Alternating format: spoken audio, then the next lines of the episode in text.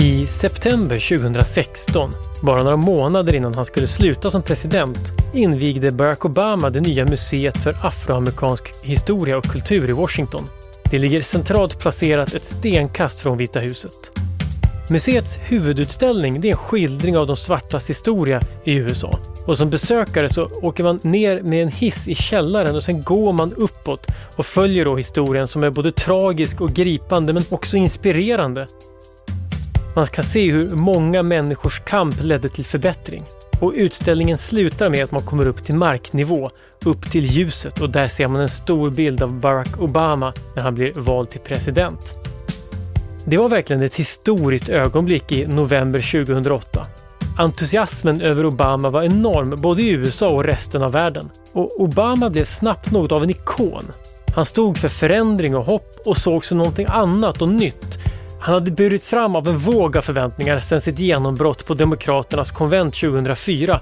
Och kulmen på både kanske populariteten och förväntningarna nåddes när han i oktober 2009 tilldelades Nobels fredspris. Ett pris som många tyckte kom alldeles för tidigt. Ja, idag ska det alltså handla om den senaste amerikanska presidenten som fick Nobels fredspris, Barack Obama. Varför var förväntningarna på honom så stora? Kunde han infria dem under sin tid som president och hur ser arvet efter USAs första svarta president ut? Du lyssnar på Idéer som förändrar världen, en poddserie från Nobelprismuseet där jag, Gustav Källstrand, vill försöka förstå mer av de idéer och upptäckter som ligger bakom olika Nobelpris. I slutet av förra året kom första delen av Barack Obamas självbiografi ut, Ett förlovat land. Den handlar om Obamas väg till makten och hans första tid som president. Det är 840 tätt skrivna sidor om politik. Och dagens gäst, det är en person som inte blir avskräckt utan snarare lockad av en sån beskrivning av en bok, nämligen Fredrik Reinfeldt. Välkommen Fredrik! Tack så mycket! Ja, blev du lockad av 840 sidor Obama? absolut, jag tror Clintons var uppåt 1000 sidor, men det var ju å andra sidan i en volym. Men ja, jag, jag, tycker att det är ganska bra när det är fördjupande och eh, gärna får vara långt. Ja, han har ju så lovat att det kommer en del två. Mm. Mm. När man pratar om Obama så måste man nästan börja med att du faktiskt har träffat Barack Obama. Hur är han? Han är avslappnad mitt i en eh, stressfylld värld och eh, eh, var ju också väldigt tydlig med att han försökte hålla borta en del av alla dessa ceremonier och, som finns runt presidentmakten. Och det känner man att han har klarat av, att eh, han är en egen person, eh, avslappnad, mycket varm när man träffar honom. Lite skämtande sådär. Vi spelade ju inte basket, även om vi bägge två har en bakgrund i basket. Han återkommer ju ofta till det, att det var hans sätt att koppla av med kompisar, det var att spela lite basket. Men man kan känna att det liksom ligger nära till hans, att han säger nu går vi och kastar några kast och så. så att, eh, och då måste ju naturligtvis följdfrågan bli, är inte alla ledare så här? Nej, det är de verkligen inte. Så att, eh, det, det här vill jag säga uppfattar jag var hans riktiga karaktärsdrag. Fredrik Reinfeldt började sin politiska bana i Moderaternas ungdomsförbund och blev efter sina studier först invald i Täby kommunfullmäktige och sen 1991 i riksdagen. 2003 blev han partiledare och mellan 2006 och 2014 var han Sveriges statsminister. Under den tiden träffade han Barack Obama vid flera tillfällen, både på toppmöten och i Vita huset, men kanske främst när Obama som första sittande president någonsin besökte Sverige 2013. Fredrik har skrivit flera böcker, bland annat sina memoarer Halvvägs. Hans senaste bok heter Ödesvalet och en genomgång av amerikansk politik och de båda kandidaterna Donald Trump och Joe Biden inför valet den 3 november 2020.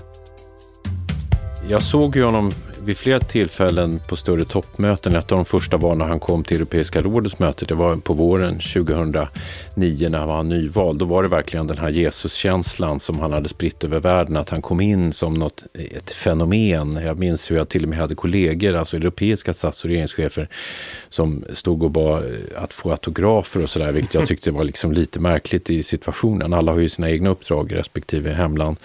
Ehm, men jag har sett honom även i andra sammanhang på G7 i eh, världspolitiken när mötena har blivit lite för långa och det blivit lite för många tal som har lästs upp efter varandra. Och då har man ju anat att eh, det kanske inte är hans favoritmiljö. Så mm. att eh, han eh, är väldigt bra i det personliga, men jag tror inte alltid att han var så förtjust i det här mer långdragna som ofta kommer med diplomati och världspolitik. Nej, man, man, man ser, det finns ju väldigt mycket bilder på honom när han liksom ser, just som ser att han ser avslappnad ut och gör en poäng av att vara ganska avslappnad. Han var med liksom i såna här talkshows och spexade mer än vad de flesta tidigare presidenter. Var det för att bli mer populär eller var det för att han verkligen gillar det, tror du? Jag tror att han har spexigheten i sig och eh, i grunden ganska rolig. Jag tror mm. att det mm. också var ett sätt att eh, hålla lite distans både till sig själv och till det uppdrag han hade. Det som är förvånande när man läser hans bok är att han gör en återkommande poäng av att han känner stor osäkerhet och undrar hur han ska klara uppdraget. Det tyckte jag inte han förmedlade under den tid han hade presidentposten. Det fanns snarare någon sorts självklarhet. Jag tror att han var väldigt framburen, precis som du inledde med att säga, av, av den här väldiga liksom folkliga resningen som trots allt skedde i stora delar av USA och i stora delar av världen eh, för att välkomna att han blev vald. Barack Obama hade en bakgrund som lärare i juridik, samhällsarbetare och politiker i delstatssenaten i Illinois när han blev ett fenomen närmast över en natt på Demokraternas partikonvent 2004. Han fick inleda hela mötet och höll ett 17 minuter långt tal där han beskrev sin vision för USA. En vision präglad av hopp och viljan att ena landet.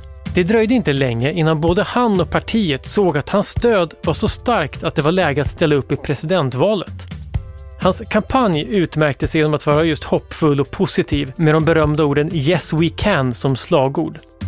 Men den var också speciell eftersom man använde sociala medier på ett nytt sätt för att nå ut till väljare som i vanliga fall inte röstade. I kombination med budskapet och Obamas relativt unga ålder fick det kampanjen att kännas modern och som början på någonting nytt. Sen är han då den första afroamerikanske presidenten. Det som jag minns från den där tiden var ju hur han själv undvek att göra ständiga referenser till detta, utan han ville vara hela USAs president. Han var inte vald för en enskild folkgrupp. Men i boken han har mm. skrivit så framkommer ju att han tänker oerhört mycket på detta och att det är närvarande i samtal med hans kollegor och de överväganden de gör i princip hela tiden. Och där är det bra att det kommer fram i boken, för det var inte den känslan han ville förmedla när han var sittande president. Mm, jag vet, i Michelle Obamas bok som kom för ett eller två år sedan pratar hon ju mycket om det, att även om man inte pratade om det då utåt så man, de var hela tiden så medvetna om det symboliska att det var en svart familj i Vita huset som hon skriver också om att byggdes av slavar. Att mm. fick man aldrig glömma på något sätt. Nej, och han nämner också att det är afroamerikaner som jobbar runt honom i Vita huset som betjänter, som lagar maten, som passar upp på honom och som han hela tiden får påminna om att jag vill inte att ni ska liksom serva mig på det här sättet och då säger de att du förstår inte vad det här betyder. Eh, så att det, det har en enorm symbolik naturligtvis. Mm. Dock leder det naturligtvis till att eh, ifrågasättandet blev om man tillräckligt mycket uppmärksammar den utsatthet som många afroamerikaner eh, trots allt har levt med och lever i mm. dagens USA. Eh, man kan ju samtidigt konstatera att det blir en sorts motmobilisering mot honom som innehåller en lång rad saker, men vi ska inte glömma det att Donald Trump byggde ju väldigt mycket sin argumentering för att bli politiker och vinna gehör på det här påståendet att eh, Barack Obama förmodligen inte var född i USA. Alltså mm. den första av hans tusentals lögner, den första av hans icke verklighetsbaserade eh, beskrivningar som trots allt ju byggde på lite rasistiska undertoner. Så att mm. vi ska inte underskatta vad frågor kring ras betyder även idag i USA. Nej, hur, hur, jag uppfattar det som att, att det finns en stor del av USA som tycker att det är otänkbart att en svart person ska helt enkelt representera landet på det sätt som en president gör. Och det var det Donald Trump mm. fångade upp och det tror jag någonstans att eh, Barack Obama, han beskriver det, var väldigt väl medveten om. Att mm. Dels var han tvungen att visa att han ständigt, han återkommer till det i sin bok, han försökte ta den motsatta positionen. Han, han nämner att ska jag skapa trovärdighet så kan jag bara inte prata om svartas utsatthet och vad de har varit utsatta för i historien. Jag måste förstå den vita medelklassamerikanen som känner rädsla inför risken att förlora jobb, att bli undanträngd av olika former av politiska insatser för minoritetsgrupper. Så åtminstone så visar han en väldig förmåga till balansering. Mm. samtidigt ska man ju vara klar över att han förstår också att han ju är på toppen av USA, inte bara makt utan också hur den här familjen kan leva och de förutsättningar de har, eh, givet de enorma umbäranden och svårigheter som trots allt finns för många afroamerikaner runt om i Amerika. Mm. Han skriver i förordet att Obama han vill ge en känsla till läsaren av hur det är att vara president, mm. eh, vilket är ett stort uppdrag för en bok. Men, men hur tycker du att han lyckas med det? Jo, men det tycker jag nog finns där. Och jag kan känna igen mig i den ambitionen. Jag har också skrivit en bok mm. eh, om uppgiften att vara Sveriges statsminister och eh, jag tror att det är väldigt närvarande när man skriver att jag vill berätta hur det är, i vilka rum man sitter, vilka människor man har omkring sig, hur beslutsfattandet går till och vilka överväganden man gör. Och jag tycker absolut att man får lära sig väldigt mycket om eh, hur det går till. Och är det en känsla som man lämnas med också är det oerhört inrutat och instängt hans liv eh, till slut har blivit. Han beklagar sig över detta, hur varje möjlighet till lite av frihet eller att avvika från dagsprogram eller bara bege sig ut och göra någonting som är oväntat i princip helt stängs ner och till slut så blir han helt instängd. Och det är klart att tänk att vara instängd så mycket, för det är inte en svensk statsminister, det är inte ledare för mindre och mm. medelstora länder, under så många år. Det måste till slut bli en fråga, vad har du tappat i form av verklighetskontakt eh, med livet där utanför? Ja, han beskriver då promenaden från alltså Vita huset till den här västra flygen då som är en minut. Ja. Ja, den där minuten tycker han är väldigt lyxig varje dag ja, precis. Ja, men man får nästan en klaustrofobisk känsla av, av, av hans värld på något sätt. Och det här med att han faktiskt uppfattar man, det är mycket diskussioner med människor, men att mycket av hur han tar till sig av världen är att han träffar ändå en ganska liten grupp människor som mm. han har omkring sig. För alla, jag antar att det beror på att alla som finns i USA och hela världen vill ju ha en kvart med Obama. Mm. Och han måste väl hushålla med det ganska noggrant. Så det finns ett fåtal personer som har tillgång till mycket tid med honom. Nej, det är helt rätt. Och det, varför är det då så? Jo, därför att eh, USAs president är väldigt speciell. Han är ju statschef och regeringschef och överbefälhavare på samma gång. Alltså i ett land med 330 miljoner människor. I Sverige med 10 miljoner invånare så har vi varsin person för de här tre rollerna. Mm. Bara så man förstår vad vi har fört ihop. Eh, och bara det att han är överbefälhavare gör att han har massvis med genomgångar med militärer, med säkerhetskunnigt folk för att sen landa i att fatta ett beslut. Och han säger någonting som jag känner igen som är extremt viktigt. Varenda gång han får en fråga om något han ska fatta beslut mm. kring så säger han att ja, det finns inga glasklara svar. Därför att alla frågor som har glasklara svar, de har redan hanterats. Utan det. det som kommer fram till honom, då är vi på temat 50-50, 70-30. Det vill säga han balanserar risker och förmodanden och det är det han hör av kretsen omkring sig. Så det han beskriver tror jag är helt korrekt. Det är det hans dagar fylls av. Och sen så ska han då ersätta den här folkliga bristen eh, snarare med att läsa tio brev på kvällen eh, från människor som då berättar om sina umbäranden eller hur de har det. Mm. Men jag tror mer på hans metod vill jag säga än Donald Trump som sen hävdar att hans sätt att träffa människor är hans massmöten där det står supportrar och skriker att de älskar honom det är ju att skapa en villfarelse om vad det är man har för land omkring sig. Så att Obama är ändå fullt medveten om att de här beslutsprocesserna äter tid och tar bort mycket av de kontakter som han tidigare haft med människor utanför politiken. Och när han fattar de här svåra besluten så får man en känsla av att han vägleds ganska mycket av jag ska inte säga magkänsla för det låter för banalt eller för enkelt, men någon sorts moral han utgår ifrån hela tiden. Eller vad, vad... Jag uppfattar att Barack Obama i alla fall vill säga att det är någon sorts moral. Mm. Det är ganska klassiskt amerikanska politiker hänvisar som han gör till sin mormor mm. och eh, hur hon skulle ha resonerat. Det finns någon sorts längtan efter att gå tillbaka till en otvungen person som har varit med länge, oftast äldre, som är enkel. Mm. Eh, hur hade den personen resonerat? Och det greppet använder Barack Obama också eh, vid flera tillfällen. Det är någon sorts enkel vardagsmoral. Mm.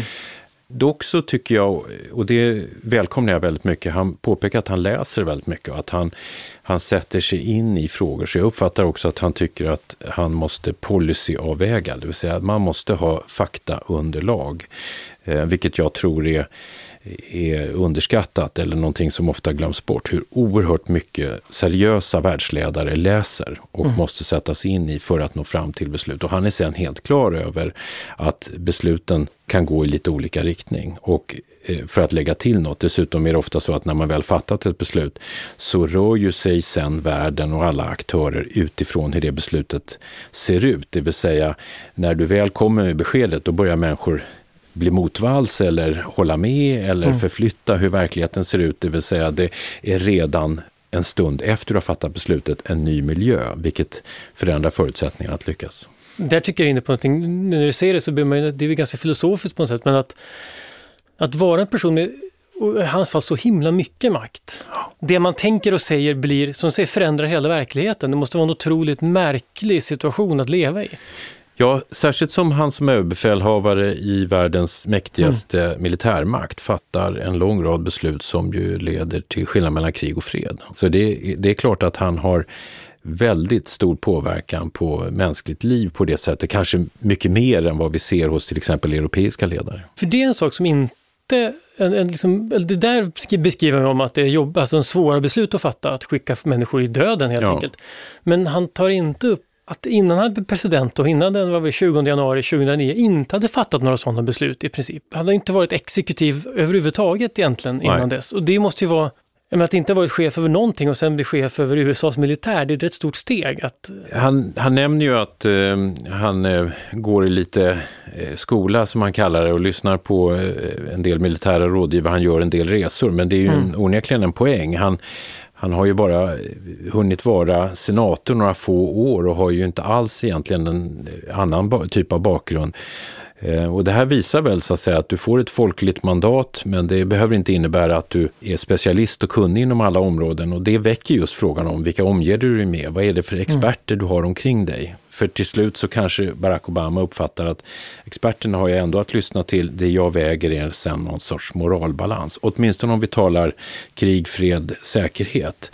Eh, när det gäller en del av reformerna som han då hänvisar till så slås man av en annan sak som skiljer från mycket europeisk politik och det är just frånvaron av förberedda reformer. Alltså mm. att eh, han snarare hänvisar just till symbolik, att han hänvisar till känsla, att han vill förmedla hopp snarare än att han Eh, nämner alla sina välförberedda reformer därför att han vet något om amerikanskt beslutsfattande. Det är inte så rakt som det är i Europa att man får en möjlig majoritet och sen lägger man en proposition och så röstar riksdagen för den och så genomförs den. I USA går det inte till så utan allting är ett eh, långvarigt förhandlande och ett liksom, eh, knådande av reformer som gör att det blir annat och läggs till saker som inte har med saker att göra. Så du menar att det går inte att i USA gå in som kandidat och säga att jag ska bli vald och sen ska jag göra det här och det här och det här konkret och de här reformerna kommer leda till ett enat USA, utan man måste liksom, den här kompassen är nästan viktigare. Då. Kompassen är nog viktigare för eh, den enskilde presidenten, för det som man också kommer igenom i boken, och Barack Obama är rätt öppen med det, det är ju att denna hyllade amerikanska konstitution skriven sommaren och hösten 1789 på mm. många sätt faktiskt inte är anpassad för vår tid och har mm. givit massvis med beslutsförutsättningar i USA som gör att det blir utdraget, de kan förhala sina beslutsprocesser, de har ett sätt att de, ibland så skojade vi om att lägger man en budget i den amerikanska kongressen då är det som att börja klä julgranen, det vill säga alla lägger till precis det de vill ha och lite medskick till sin egen valkrets och sådär så det kommer in som, som någonting och kommer ut som något något annat. Mm. När grundarna av USA skrev landets konstitution så var det centrala att man skulle undvika att en person blev för mäktig. Man hade ju gjort revolution mot den engelska kungen och var trötta på envåldshärskare. Det säkraste vore om makten kunde delas och därför använde man en modell för maktdelning som den franske upplysningsfilosofen Montesquieu hade tänkt ut. Den bygger på att makten delas i tre en lagstiftande del, en dömande del och en verkställande del. Varianter på den här modellen finns i de flesta demokratier. I Sverige utses den verkställande makten, regeringen, och av den lagstiftande, riksdagen. Men i USA väljs den verkställande presidenten direkt av folket. Och utöver det finns den dömande högsta domstolen vars jobb är att se till att lagar som stiftas stämmer överens med grundlagarna i konstitutionen. Och så finns det den lagstiftande församlingen, kongressen. Den består av två hus, senaten och representanthuset. Montesquieus tanke var att de två husen skulle vara ett som bestod av adel och ett som bestod av folkets representanter. Men i USA, där man inte hade någon adel, valde man att låta ett representera staterna och ett folket. Så i senaten har varje delstat två senatorer och i representanthuset får delstaterna fler representanter ju fler invånare de har. Och allt det här gör ju beslutsfattandet mer ineffektivt, förmodligen dyrare, förmodligen liksom annat än vad det var avsett. Och Barack Obama är tydlig med att han vet detta. Eh, dessutom när man läser hur han hade det, det försvåras av den förstärkta åtskillnad mellan de politiska partierna som ju också kommer med Barack Obama. Han får så att säga inte en enda republikan att rösta på det stora eh, krispaket som han lägger för att mm. balansera finanskrisen till exempel, vilket är historiskt. För tidigare har det varit så att många går över partigränserna, men det slutar här. Det är början på motmobiliseringen mot Barack Obama och försvårar förutsättningarna att få någonting genomfört i USA det är en enorm polarisering efter George W. Bush som mm. vi ser med Barack Obama och som fortsätter också med Trump. Nu får du ju knappt någon. Alltså det är fåtal vi talar om som avviker från partilinjen och som dessutom, Barack Obama beskriver det, ju blir fullkomligt förföljda av det egna partiet mm. som, som ju ofta blir uteslängda eh, och liksom utmanade i sina hemdelstater, i sina valkretsar direkt om de har röstat med Demokraterna som det då gällde för en del republikaner. Mm. Så att det hårdnar, det politiska klimatet. Eh, det kan inte längre vara den pragmatism jag tror grundlagsfäderna egentligen såg framför sig, vilket bara förstärker känslan av att USA är svårt att hantera och framförallt genomföra reformer. Du skriver också i din bok om hur det här valsystemet också ställer till en del problem och leder till ökad polarisering. Ja det är ett winner takes all-system, det vill säga att i en delstat så räcker det med att du får en röst mer än det andra partiet när det gäller då val till president. Men det gäller likadant när du sen går ner på enskilda valkretsar för representanthuset och för, för också för senatorerna.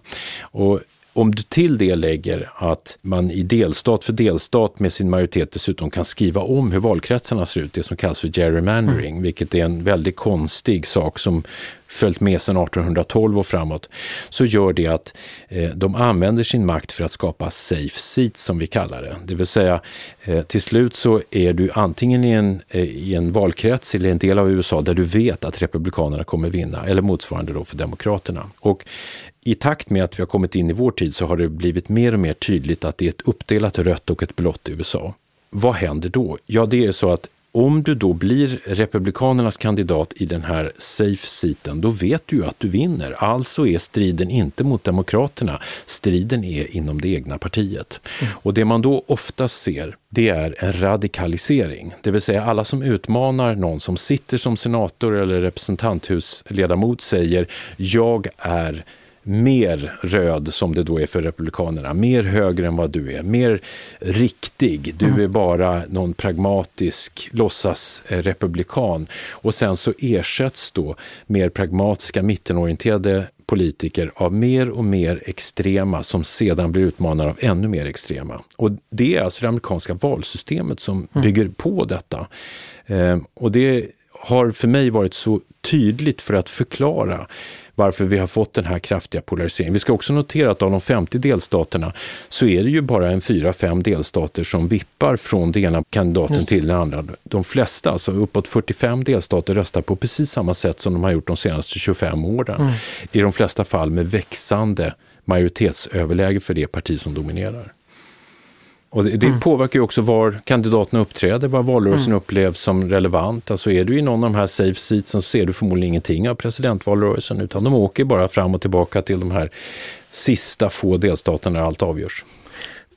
För det, där är det ena som är konstigt. En, sista, eller en annan sak som jag verkligen inte hade klart för mig förrän jag nu läste Obamas bok och också det, när jag läste din bok om valet, det här med det här filibustersystemet. Ja. Att det inte ens räcker med att ha då, i senaten i alla fall, att ha majoritet, utan du måste ha, är det 60 röster man måste ja. ha? Det är ju så att eh, de olyckligt nog tog bort tidsbegränsningarna för eh, senatorer. Så att de kan alltså prata hur länge de vill. Och eh, det används då aktivt för att fördröja och eh, försena införandet av olika reformer. Ibland så pass mycket att de inte ens går att genomföra. Och det här filibustersystemet eh, upprätthålls tyvärr då av bägge partierna. Även Joe Biden, som borde veta bättre, men har en lång bakgrund i senaten, har sagt att mm. det, det, här är ett fint system, vilket jag har svårt att förstå. Eh, det är ju snarare ett sätt att dämpa folkviljans genomslag. Och den här supermajoriteten, eh, om man når 60 senatorer, då kan man alltså avbryta filibustern, att sätta tidsbegränsningar och fatta beslut. Och eh, det som Barack Obama beskriver är ju, för att han hade under sin första mandatperiod eh, faktiskt ett väldigt stort överläge i senaten, inte 60 men nästan. Eh, det han beskriver är ju det här hårdnande eh, klimatet. Det är ju samma Mitch McConnell som fortfarande nu leder eh, Republikanerna, som då var också Republikanernas ledare. Och i princip så, eh, så sjösätter han den här principen att vi tänker inte låta några republikaner gå över. Det är ett litet, litet fåtal, enstaka här och där som har gjort det. Annars är det ett väldigt hårdfört republikanskt parti mm. som säkert också kommer eh, agera så mot Joe Biden. Det vill säga, när vi har förlorat och inte har Vita huset längre, då är det en signal om att mobilisera mot, inte att ta ansvar för landet och att eh, göra upp med Demokraterna. Mm.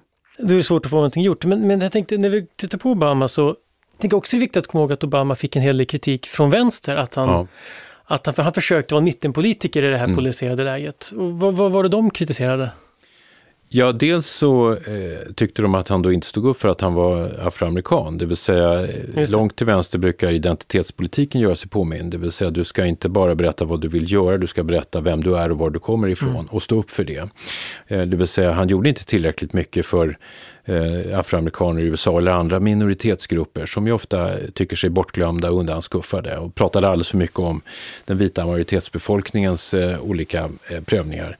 Och sen så eh, fanns det naturligtvis förväntningar om att eh, en lång rad sådana här policyområden när det gäller klimat, när det gäller ekonomin, att han skulle ha gått ännu längre till, mm. till vänster. Han beskriver ju snarare hur han lägger en väldigt balanserade budgetar som innehåller en del skattelättnader. Han hade nämnt det redan i valrörelsen, eh, men inte alls eh, så som många längre till vänster hade tänkt sig med bara skattehöjningar, hårdare regleringar. Mm.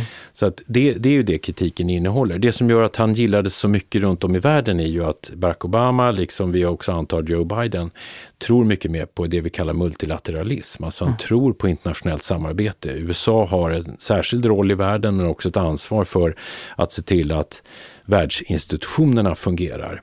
Och det skapar entusiasm för Barack Obama och också för Joe Biden, men gör att George W. Bush och ännu hellre Donald Trump blev ifrågasatta för att de har mer av ett isolationistiskt budskap, framförallt Trump med sitt America First. Men då talar vi mer om hur världen ser på dessa amerikanska presidenter. I mm.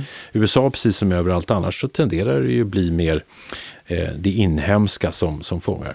Eh, jag tror också, om vi lyssnar på vad Bernie Sanders har kritiserat, och han har ju drivit en sorts vänsterreaktion inom Demokraterna, att även Obamacare var ju en utbyggnad av rätten att få sjukvård, men det var inte ett allomfattande system. Det. det var ju så att säga inte en övergång till en svensk-europeisk modell, som ju Bernie Sanders har förespråkat. Och det kan ju också vara en grund för kritiken, att det är möjligt att du utsträckte den här rätten till sjukvård till fler, eh, men du övergick inte till ett helomfattande, allomfattande system. Det amerikanska sjukvårdssystemet bygger på att personer har en försäkring. Har man inte det får man betala sina sjukvårdskostnader själv. Den här försäkringen bekostas ofta av en arbetsgivare vilket gör att arbetslösa eller personer med lågt betalda yrken hamnar utanför systemet. På 1960-talet infördes Medicare, ett program som ger amerikaner över 65 tillgång till sjukvård. Tanken med Obamas Affordable Care Act, eller Obamacare, var att utsträcka det här till amerikaner under 65 som inte hade privat sjukvårdsförsäkring. Detta har ju varit enormt kritiserat och det var ju delvis därför att en del av de här avgifterna höjdes för stora, för stora delgrupper i USA, någonting som Republikanerna fångade upp. Men jag skulle absolut säga att det var en av hans största bedrifter. Varför det? Jo, därför att Donald Trump lyckades på fyra år, trots att han hade majoritet mm. i hela kongressen under en del av den här tiden, inte få bort det, trots löften om att ta bort det. Det vill säga, de kunde överhuvudtaget inte förklara från republikansk sida vad de skulle ersätta det med. Mm. Eh, och det brukar vara ett tecken på en väl genomarbetad och genomtänkt reform, nämligen att inte ens motstånd som har kritiserat den tar bort den. Just. Jag kan komma på några andra exempel. Eh, det finns ju ehm, för, för, de andra sakerna som han nämner i den här boken, politiskt, som inrikespolitiskt, då är det kanske framför allt det här stimulanspaketet som han också faktiskt fick igenom. Och han beskriver också hur bråttom det var, dels mm. för att det var bråttom för att det var kris, men också för att då hinna medan han hade majoritet. Jo, och det berodde ju på att han under slutet av kampanjandet, han nämner ju detta redan hösten 2008, det minns jag ju också, jag var ju statsminister under den här tiden. Vi uppfattar ju att eh, från augusti-september så faller hela världsekonomin. Mm. Och framförallt från september brant utför och i den miljön slutkampanjar Barack Obama med John McCain. Och redan då är det liksom krav på att ni måste förbereda stora eh, krispaket och han berättar om svåra avvägningar även för honom då, för det är ju George W. Bush som fortfarande är president, att hjälpa till som det mm. heter för att förbereda detta. Eh, sen tycker ju han att en av hans största bedrifter är hur han under mycket kort tid eh, tillsammans då med ledarna i representanthuset och senaten får på plats det här eh, paketet som ju innebär och det ska vi komma ihåg att väldigt många människor fick stöd för sin överlevnad. För det som skiljer USA, och vi har påminns om det under pandemin, det är att det vi kallar liksom utbyggda välfärdssystem i form av a-kassor och olika ersättningar som man kan få vid sjukdom och, och så, som finns i Europa och i Sverige, det finns inte på samma sätt i USA. Mm. Utan det måste fattas krisstödsbeslut om detta, annars så finns det så nästan ingen hjälp att få. Och därför så kom detta att få väldigt eh, stor betydelse. Och han är väldigt stolt över att han så snabbt kunde processa det. Men, och det är ju här kommer just den beskrivningen, det är också här han säger han lär sig om den motmobilisering som hans person och hans sätt att agera får därför republikanerna trycker sig bort från honom och vill inte vara med trots att väldigt mycket av det som han genomför eh, egentligen är sånt de själva har föreslagit. Mm, ja, men inte minst det här att man, det här bailout, alltså att man köp, mm. räddade bankerna. Ja. Som ju Republikanerna, eh, som startades väl som jag förstår under George Bushs tid, ja. men som fortsatte Obama det och efteråt så ser Republikanerna att titta på Obama, han bryr sig bara om sina Wall Street-kompisar. Precis. Men, men, men, Obama fick från vänster också kritik då för att varför lät han inte bankerna gå i konkurs? Varför satte han inte bankdirektörerna i fängelse? Och han försvarar med att det var ju lockande att göra lite grann, mm. men att man kunde inte låta en hel, för att om finansmarknaden går försvinner så försvinner hela, alltså det är någon pragmatism, då försvinner hela ekonomin. Han säger att skulle vi ta bort eh, de här direktörerna som till och med, och han är mycket irriterad på detta, han skriver mycket om det, tilldelar sig själva stora bonusar mm. och visar total oförmåga att sätta sig in i den kris som finns till följd av problemen i finanssektorn. Skulle de bara flyttas undan så skulle vi skapa ännu större osäkerhet hur de här bankerna skulle ledas och det skulle kunna leda till en ännu bredare kollaps. Så att det är liksom någon sorts, jag förstår ilskan, jag skulle också vilja agera men det kommer inte leda till de resultat ni tror. Och han påpekar att lagstiftning gäller så det är inte han som kan slänga dem i fängelse, även om det var en väldigt spridd känsla då. Han funderar till och med över om inte det svenska systemet att hantera banker på 1990-talet egentligen hade varit bäst, det vill säga att ta ifrån aktieägarna deras aktier, att nationalisera bankerna mm. åtminstone för en tid. Men han resonerar, det tycker jag är väldigt intressant för det visar att han har verkligen gått igenom det här. Han säger att ja, det var väl en sak i lilla Sverige eh, och de eh, nationaliserade dessutom inte alla sina banker. Men tänk att göra det i supermakten USA. Eh, vi skulle få så att säga hela banksystemet i knät och det skulle vara helt oöverblickbara eh, konsekvenser. Utan istället landade han ju i någonting som vi fortfarande pratar om in i vår tid, nämligen de här stresstesterna. Man låter eh, väldigt bankkunniga människor testa hur mycket förluster mm. en bank tål och hur mycket reserver de har. Och vad är syftet med det? Jo, det är helt enkelt att nyckelfrågan i finanskrisen var, finns det förtroende för de finansiella institutionerna? För om det inte finns, då köar folk för att ta ut sina pengar. Då vill ingen satsa eh, sina investeringspengar i den finansiella sektorn om man kan via ett stresstest visa att den här banken eller den här finansinstitutionen är stryktålig, har resurser, så får man tillbaka förtroendet. Inte för alla, men för en del. Och det var ju i realiteten också det som skedde. Det har för övrigt också varit en metod som sen Europa har valt. Sverige gick ju återigen fram med den här hårdare metoden att nationalisera vissa banker, men stresstester som ju Barack Obama, Tim Geithner som han nämner och hans finansminister tar fram blev ju så som också världen kom att hantera mycket av den här finanskrisen. Finanskrisen 2008 började med att den amerikanska fastighetsmarknaden kollapsade på grund av handel med undermåliga bolån, så kallade subprime-lån. Miljontals människor förlorade sina hem och de stora bankerna höll på att gå i konkurs. Och eftersom de amerikanska bankerna är globala så drogs hela världen in i krisen. I ett stort krispaket gick staten in och räddade bankerna från konkurs och därefter fick Obama igenom ett stort stimulanspaket för att sätta fart på en ekonomi som hamnat i en djup lågkonjunktur. Jag tycker det är fascinerande att läsa det här därför att man får en känsla av hur långsiktiga många av de här åtgärderna var. Både räddningspaketet och det här stimulanspaketet. Att den, man, man, måste vänta för att se resultaten och att det var ganska stora resultat ändå och framförallt att man vände med jag har nog förstått det först i efterhand hur allvarligt läget var 2008-2009. Mm. När Obama tog över så var det liksom motsvarande det vi inom hälsovården pratar om pandemi, hur det allvarligt ja. är. Det var liksom lika kris fast för ekonomin då. Det var något fruktansvärt. Ja, och eh, det är bra att du nämner pandemin, för det har varit väldigt spritt att säga att det här är det värsta vi har varit med om. Mm. Men det sa vi också under finanskrisen. Och eh, det där visar hur kriserna dels återkommer, och det bör den minnesgode komma ihåg. Eh, och hur snabbt vi sen glömmer. Mm. Han beskriver ju en, en eh, enorm stegring av arbetslösheten och han beskriver helt korrekt, det känner vi också i Sverige igen från vår, vårt eget 70-tal, hur så att säga, branscher led där dels var en fråga om att efterfrågan försvann och det var en finanskris. Men frågan han ställer sig också, har de egentligen utvecklats som bransch? Han nämner eh, bilföretagen som han sen är med och räddar som fortsätter att bygga stora eh, bensinslukande eh, SUVs. Mm. Om det verkligen är svaret eller om det är så att de borde ha lyssnat på marknadssignaler om hållbarhet eh, på ett tidigare stadium. Och det, det där känner jag igen, att väldigt ofta så måste man ställa sig frågan, vad är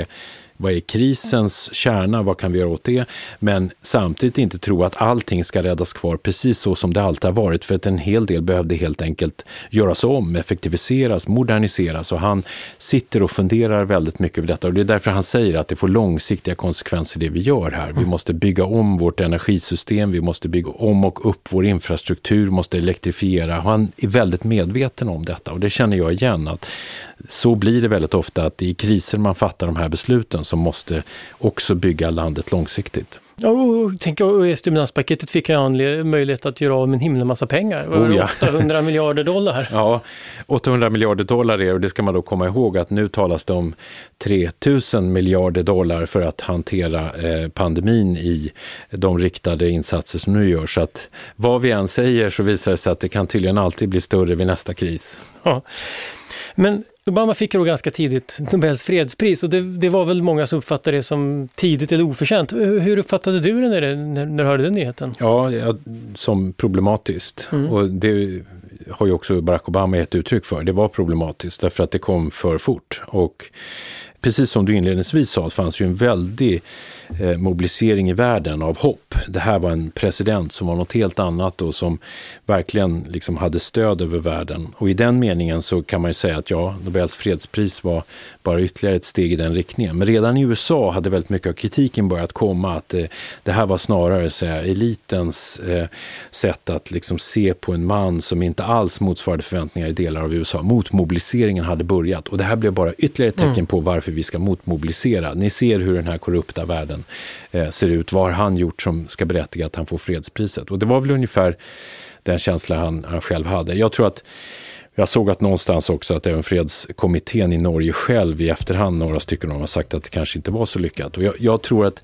jag tror i grunden att det alltid kommer att vara svårt att ge Nobels fredspris till USAs president. För att eh, åtminstone om de har i närheten av den makt och det inflytande de har idag så kommer det alltid vara en diskussion. Har de verkligen bara agerat för fred eller eh, hur ska vi liksom se på det? Obama fick Nobels fredspris 2009 för sitt arbete med att stärka internationell diplomati. Nobelkommitténs dåvarande sekreterare Geir Lundestad har skrivit i sina memoarer att man hoppades att Obama skulle stärkas i sin internationella roll av priset. Men att man sedan inte såg någon sån effekt. Samtidigt var Obama väldigt populär utanför USA, inte minst eftersom han stod för en annan amerikansk utrikespolitik än sin föregångare George W. Bush. Bush blev känd för sitt krig mot terror som ledde till en hårdför linje mot diktaturer där militära angrepp låg nära till hans. Men Obama ville förhandla och gärna skapa breda överenskommelser och koalitioner. Han kom ju sen också, efter att ha fått Nobels fredspris, att verkligen bli en president som agerade för kärnvapennedrustning eh, och tog flera initiativ kring detta och eh, hela tiden upprätthöll diplomatins betydelse. Mm. Så absolut, det är klart att han åtminstone efter att ha fått fredspriset egentligen verkade i denna anda. För, för det är inte givet, det är inte så att USA alltid har agerat. Alltså, många sa just att han fick priset för att inte vara George W. Bush. Exakt, och hade också varit eh, kritisk också inom sitt eget parti där alla inte tyckte likadant. Vi bör ju minnas både Hillary Clinton och Joe Biden alltså röstade för mm.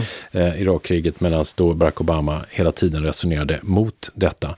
Jag tycker att eh, det är väldigt intressant att fredspriset ju gavs till eh, både Woodrow Wilson och Theodore Roosevelt som ju jag pekar ut som de två bärarna av de två benen i den amerikanska mm. världsordningen. Eh, Theodore Roosevelt därför att han hävdade just att det finns nationella egenintressen som man måste som stark amerikansk nation kunna agera gentemot. Vi ska hålla nere alla nationella agender. Och Woodrow Wilson för den kollektiva säkerheten, alltså Nationernas förbund som sen blev Förenta Nationerna ur det har ju vuxit den Pax Americana, alltså den amerikanska eh, fredsordningen. Så på det sättet så kan man säga att det var de här två benen. Och jag tycker Barack Obama egentligen visade att han upprätthöll bägge benen. Mm. Eh, Medan Donald Trump nästan har resonerat för att inget av dem ska existera. Så att det, det är ju också väldigt viktigt att komma ihåg i vilken kontext de här presidenterna väljs och vad det är för upp, världssystem de försöker upprätthålla. Mm. Men vi bör notera att han ju var eh, aktiv som president. Mm. Han har ju varit väldigt kritisk mot Irakkriget men sanningen är ju att han som president fortsatte administrera en massa krigsinsatser och som några som har tittat noggrant i detta påpekar så är det snarare så att det är fler krig som pågår eh, om än på lite lägre nivå, mm. när Obama lämnar än när han tillträdde. Mm. Han var ju väldigt stolt över att man fångade eh, Osama bin Laden. Han eh, kom att stå för väldigt mycket av de här eh, attackerna som drönare stod för som eh, han blev väldigt kritiserad för. Det vill säga, det är ju lite Theodore Roosevelt-känsla över det. Att jag har visst ett ansvar för att hålla en viss nivå på att pressa ner de nationella egenintressena samtidigt som han då eh, såg till att utse eh, duktiga personer som han litade på till FN-systemet och visade tilltro till multilateralismens betydelse. Så att han agerade i bägge traditionerna och därför så blev det en sån oerhört skarp kontrast när America First eh, blev det som ersatte efter Barack Obama. Och ett område som det verkligen syns, det är ju på klimatfrågan. Mm. Och där måste jag bara börja med att fråga, eh, en sak som jag studsade på i boken, det är Obama skildrar det här eh, klimatmötet i Köpenhamn. Mm, 2009 ja. i december. Precis, ja du var där. Ja. Och därför tänker jag inte om du kan faktakolla här, för det, det, jag undrar, kan det verkligen gå till så här? Han beskriver hur han var på mötet. Först sitter han i ett rum med de europeiska ledarna. Mm. Uh, européerna går med på vissa inskränkningar om Kina och Indien och Ryssland går med på det här. Då storm, de, de har gömt sig för Obama. Ja. Så då stormar han dit och mm. tar sig in i deras möte och slår sig ner och så förhandlar han med dem tvångsförhandlar med dem och de går till sist med på någonting för att han mer eller mindre hotar sig till, eller använder väldigt starka ord i fall. Och sen går han tillbaka till européerna. Mm, ja, min uppfattning är att på sådana här toppmöten så har man redan bestämt om man ska säga och så åker man dit så kvakar han. Alltså det är ganska eh, det sker på fler nivåer än på den här nivån. Men här verkar det som att det är lite eh, väldigt spontant. Gick det till så här? Mm, ungefär så. Det är naturligtvis så att han beskriver sin beskrivning. Men det vi ska komma ihåg att den hösten fanns ju en väldig upptrappning och vilja att nu verkligen göra någonting åt eh, det växande klimathotet. Eh, det var liksom belagt att det var människan påverkat, att jorden var på väg att värmas upp och det var viktigt att nu göra någonting åt det. Europa hade ju, och jag minns ju detta väldigt tydligt eftersom Sverige var ordförandeland i EU den här hösten. Så att Europa hade tagit sina reduktionsmål eh, och fördelat dem mellan länderna och visat liksom väldigt mycket hur man skulle som en internationell organisation kunna göra. Och europeiska ledare också, jag åkte ju runt i världen för att försöka få andra att, att gå med på det här synsättet och Barack Obama sågs ju som en garant för att också USA skulle vara pådrivande. Eh, men det är helt korrekt att när mötet börjar så eh, fanns, ja det fanns knappt någon dagordning som vi var överens om och det fanns ännu mindre något papper skrivet. Så att det började skrivas under sittande möte hur man skulle kunna skapa en världsordning kring detta. Varför är det så? Jo, därför att här fanns kärnan de som tror på multilateralism, alltså det här ska vi göra tillsammans, mot de som inte gör det. Kineser som vill mm. gå eh, för sig själva, indier som vill tala om att eh, vi är en stolt nation, vi gör lite som vi vill och vi ska också påpeka att det finns drag av det även i USA. Mm. Det behövs inte Donald Trump för det, utan den amerikanska kongressen kan inte fatta några beslut om det inte är helt i USAs egen intresse och sådär. Eh, och det gjorde då att en del länder antingen satte sig i det här förhandlingsrummet och obstruerade hela tiden, eller precis som han beskriver, satte sig på annan plats. Och där satt bland annat den kinesiska delegationen.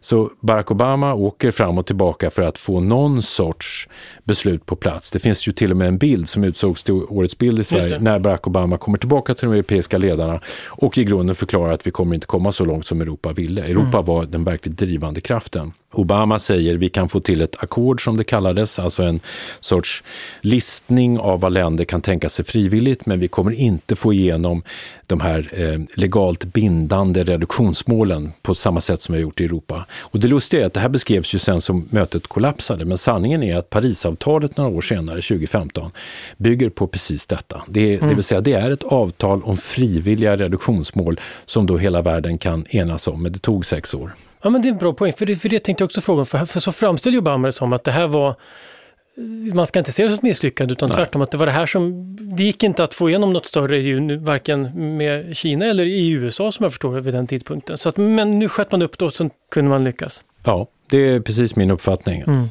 Och Parisavtalet då, eller det är ju två avtal som jag tänker, om man tänker sig Obama, liksom arvet efter Obama rent utrikespolitiskt så är det väl, tänker man på klimatavtalet mm. och Iran Mm. avtalet om kärnvapen. Båda två har ju Trump brutit, men, men klimatavtalet kommer man gå tillbaka igen. Men det har inte pratat någonting om Iran. Man, kan du berätta lite om det avtalet och vad som hände med det. Ja, dels så ska man här se vem Barack Obama är. Han mm. tror som sagt på diplomati. Han eh, säger vid något tillfälle att jag kan i grunden prata med vem som helst så länge jag bara står upp för mina värderingar. Mm. Ett, ett synsätt jag tror i grunden är klokt och som står i kontrast till ett synsätt som ibland är att om du inte har rätt åsikt så vill jag inte ens träffa dig, då ska jag bojkotta dig. Mm. Men Barack Obama säger en, en sån värld blir till slut farlig. Och så agerar han som president. Han öppnar upp relationerna med Kuba, han öppnar upp relationerna med Iran och och säger då att det kan dock inte se ut hur som helst. Här, här måste det ske en byteshandel här återkommer då hans ambitioner om att minska kärnvapenspridningen mm. och säger han Iran är helt centralt här. Vi måste få dem att avbryta anrikning och att bygga ut sin kärnvapenskapacitet.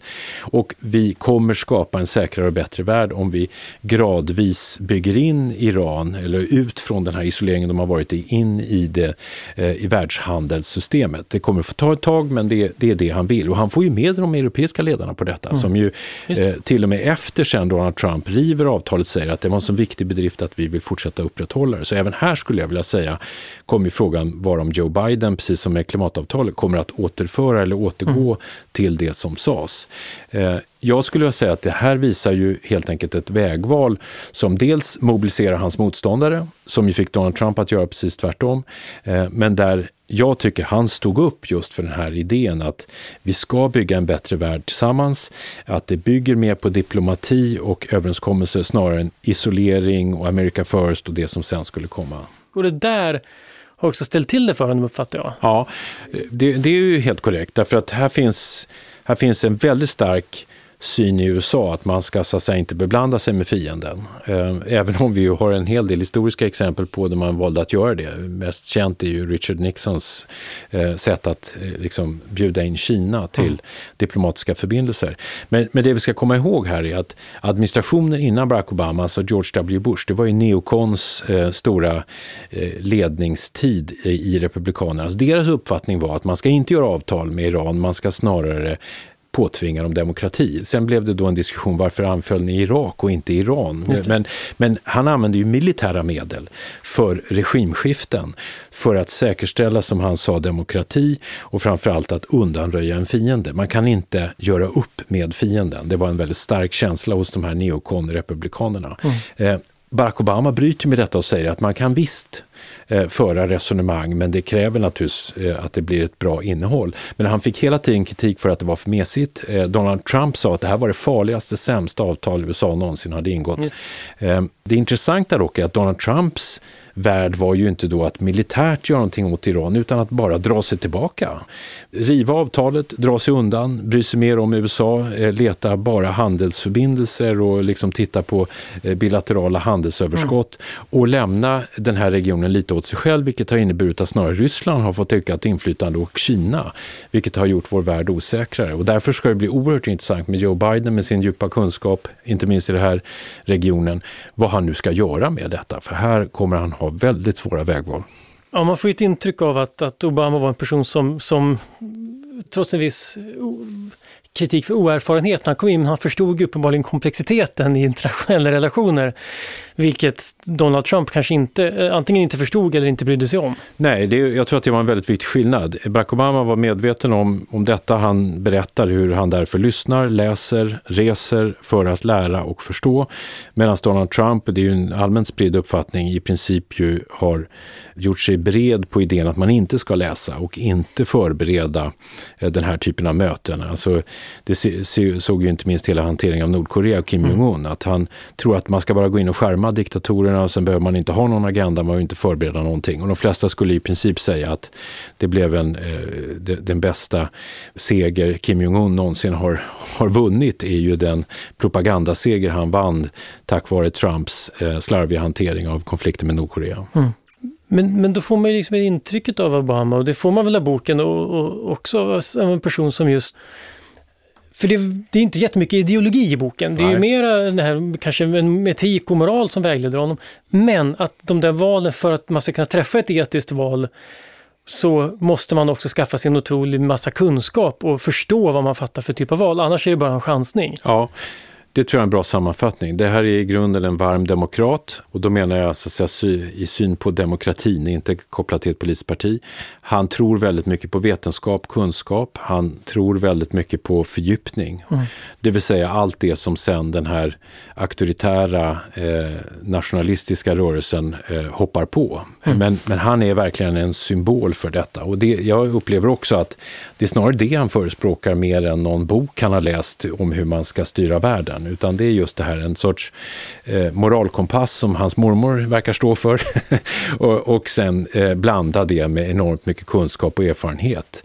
Eh, och att ta in människor med, med stor mm. erfarenhet. Jag uppfattar att det är precis det Joe Biden nu också gör. Mm. Eh, han är på det sättet en halv meter bara ifrån Barack Obama, även om han som sen person och symbol är väldigt annorlunda. Ja, är det, liksom, är det en fortsättning på Obama vi kommer få se eller är det någonting annorlunda? Man skojar ju lite därför att Joe Biden i alla sammanhang man träffar honom, även när jag träffar honom, så gör han ju alltid i första meningen, eller åtminstone i andra, gör han ju referens till Barack Obama. Han är så enormt liksom mm. kopplad i sin lojalitet till Barack Obama och den, tror jag, eh, det faktum att de, de liksom fann varandra och att det här var ett fungerande par som president och vicepresident. Och då blir onekligen frågan, kan han släppa sig loss från detta och bli mm. sin egen person? Ja, han har absolut erfarenheten och bakgrunden för det. Den stora skillnaden dock, ska vi inte underskatta, det är att den Eh, folkliga förtjusning, den, den mobilisering i USA och i världen som trots allt följde med Barack Obama, som han beskriver väldigt noggrant i böckerna, de tusentals och åter tusentals som kom i olika sammanhang de finns inte riktigt där för Joe Biden och det beror inte bara på pandemin. Det här är mm. inte samma typ av folkliga längtan efter honom som vi hade med Barack Obama. Eh, därmed så har han inte riktigt samma förutsättningar. Alltså det är svårare för honom att säga att han ska hela landet därför att han har så stora grupper som redan från början inte tänker sig följa allt han säger. Han är mm. äldre till åren, han är, eh, ja det är ytterligare en vit kristen president som mm. vi har sett väldigt många av. Så att hans förutsättningar skulle jag säga är sämre än Barack Obamas, men det är väl med sämre förutsättningar å andra sidan man kan överraska. Det är en bra, det är en bra poäng. Ehm, jag vill också säga att jag tycker absolut Barack Obama eh, är en mycket varm och fin person när man träffar honom, men jag kan säga att det har jag upplevt när jag har träffat Bill Clinton och jag har träffat eh, George W. Bush mm. också. Det är inte alla som tror, men, men eh, det är helt enkelt väldigt förståeligt varför de här männen vann sina eh, presidentval. De, de är väldigt bra i ett nära socialt sammanhang när man sitter och pratar med dem. De har förmåga att lyssna, de mm. har en förmåga att presentera saker som, som gör att du måste liksom både eh, känna att vad trivsamt här är men också vara på din vakt. Alltså komma ihåg varför är jag här? Vad är mm. min agenda? Vad står på mitt papper? Men eh, även där gäller bättre förberedelser så går det bättre. Just det. Och sen Obama beskriver i sin bok att han, han går den här enminuterspromenaden till ovala rummet och sen så sätter han sig där. Han skriver att han blir mer och mer avslappnad men det var alltid högtidligt. Ja. Och du skriver också om det, det här med att komma in i ovala rummet. Ja. Kan du beskriva det? Vad är det med det där rummet? Ja, dels så är det litet, vilket han också påpekar. Eh, Man får ju som känsla i alla dessa filmer att det är stort, men det är alltså väldigt lite. Överhuvudtaget så är Vita huset litet. Det är prångigt, det är trångt.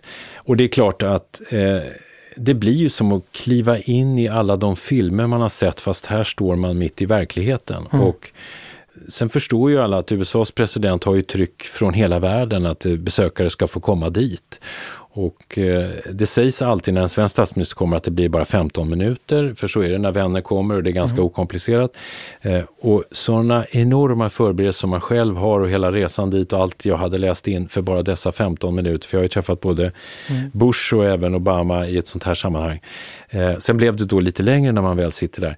Det, det är klart att det är en sån enorm ansträngning och en förberedelse och så helt plötsligt står man i det där rummet. Och då, då känner man så här, det är, det är tur att jag har förberett mig, för annars så, så fastnar man liksom i hur ser det här rummet ut, det, det är nästan, det. nästan för bra för att vara sant. Och jag tycker det är väldigt glädjande att Barack Obama är väldigt tydlig i det, att han känner fortsatt respekt för detta ovala rum, denna vår kanske finaste symbol för den mäktigaste demokratin som finns i världen. Eh, att han visar respekt för det tycker jag är väldigt viktigt. Sen tänkte jag min, sista fråga, och det är kanske det är inte den minsta frågan, men det är en sak som tänker liksom hela tiden man läser den här boken. Det är när man, man läser om USA och vilket stort land det är, alla problem, polarisering och platsen i världen. Och då tänker jag, hur är man funtad som person om man tänker sig att det här ska jag ta tag i? jag tänker, jag ställer frågan till dig eftersom just du, du är ändå, hur är man som person om man tror att man klarar av det där? Ja, man måste vara väldigt stark i sin övertygelse om att eh, man har den förmågan. Eh, Åtminstone att man har förmåga att också hitta människor som kan stödja en för att göra det.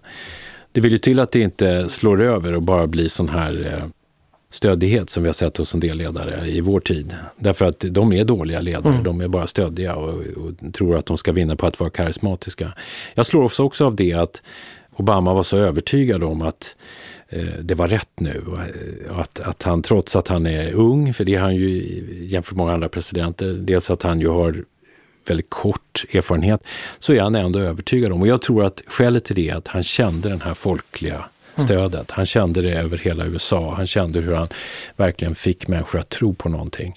Och jag tycker att det viktiga är att han byggde det på en känsla av hopp. Alltså att vilja något gott med människor. Hur viktigt det är att vi får demokratiskt valda ledare som har det som utgångspunkt och att det inte är eh, snarare för att vi är rädda, för att vi blir skrämda, för att vi fascineras av en, en person som bara eh, drar sina lögner för att det ska verka roligt. Det är en enorm skillnad och Barack Obama vann på det goda tanken om att människor kan växa och hålla ihop. Och sen tror jag att han efter några år, och det beskriver han ju, kommer säkert komma ännu mer i del två av hans bok, blev lite mer uppgiven. Alltså han blev väldigt trött av de här eh, partifajterna, av republikanerna som gick emot honom, Donald Trumps hantering av honom. Jag vet att han vid flera tillfällen sagt att han lite tappade känslan, den här väldigt starka känslan han hade i början, när han närmade sig slutet där av sin åttaårsperiod.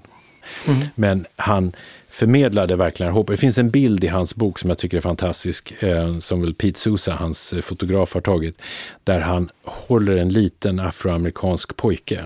Som, och man eh, ser eh, i ögonen hos den här lille pojken hoppet om vad jag kan bli. Och då tror jag det förmedlar vad Barack Obama vill säga.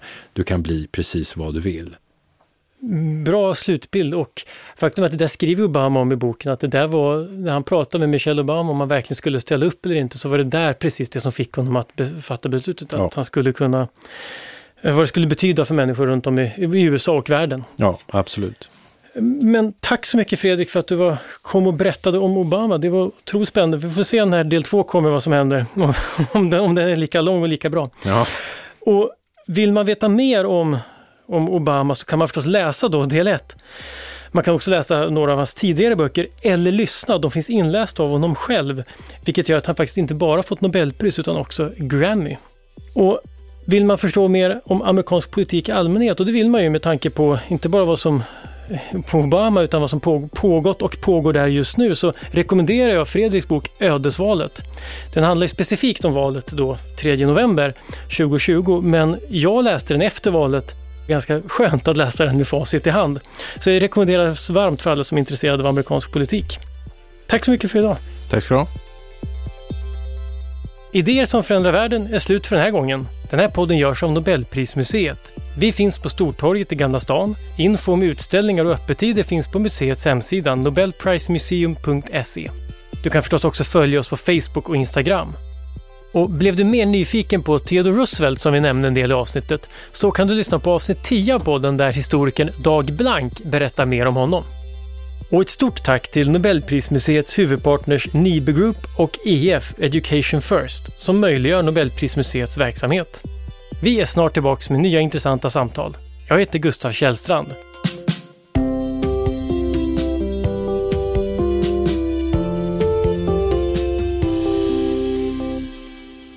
Idéer som förändrar världen produceras av Filt Hinterland för Nobel Prize Museum.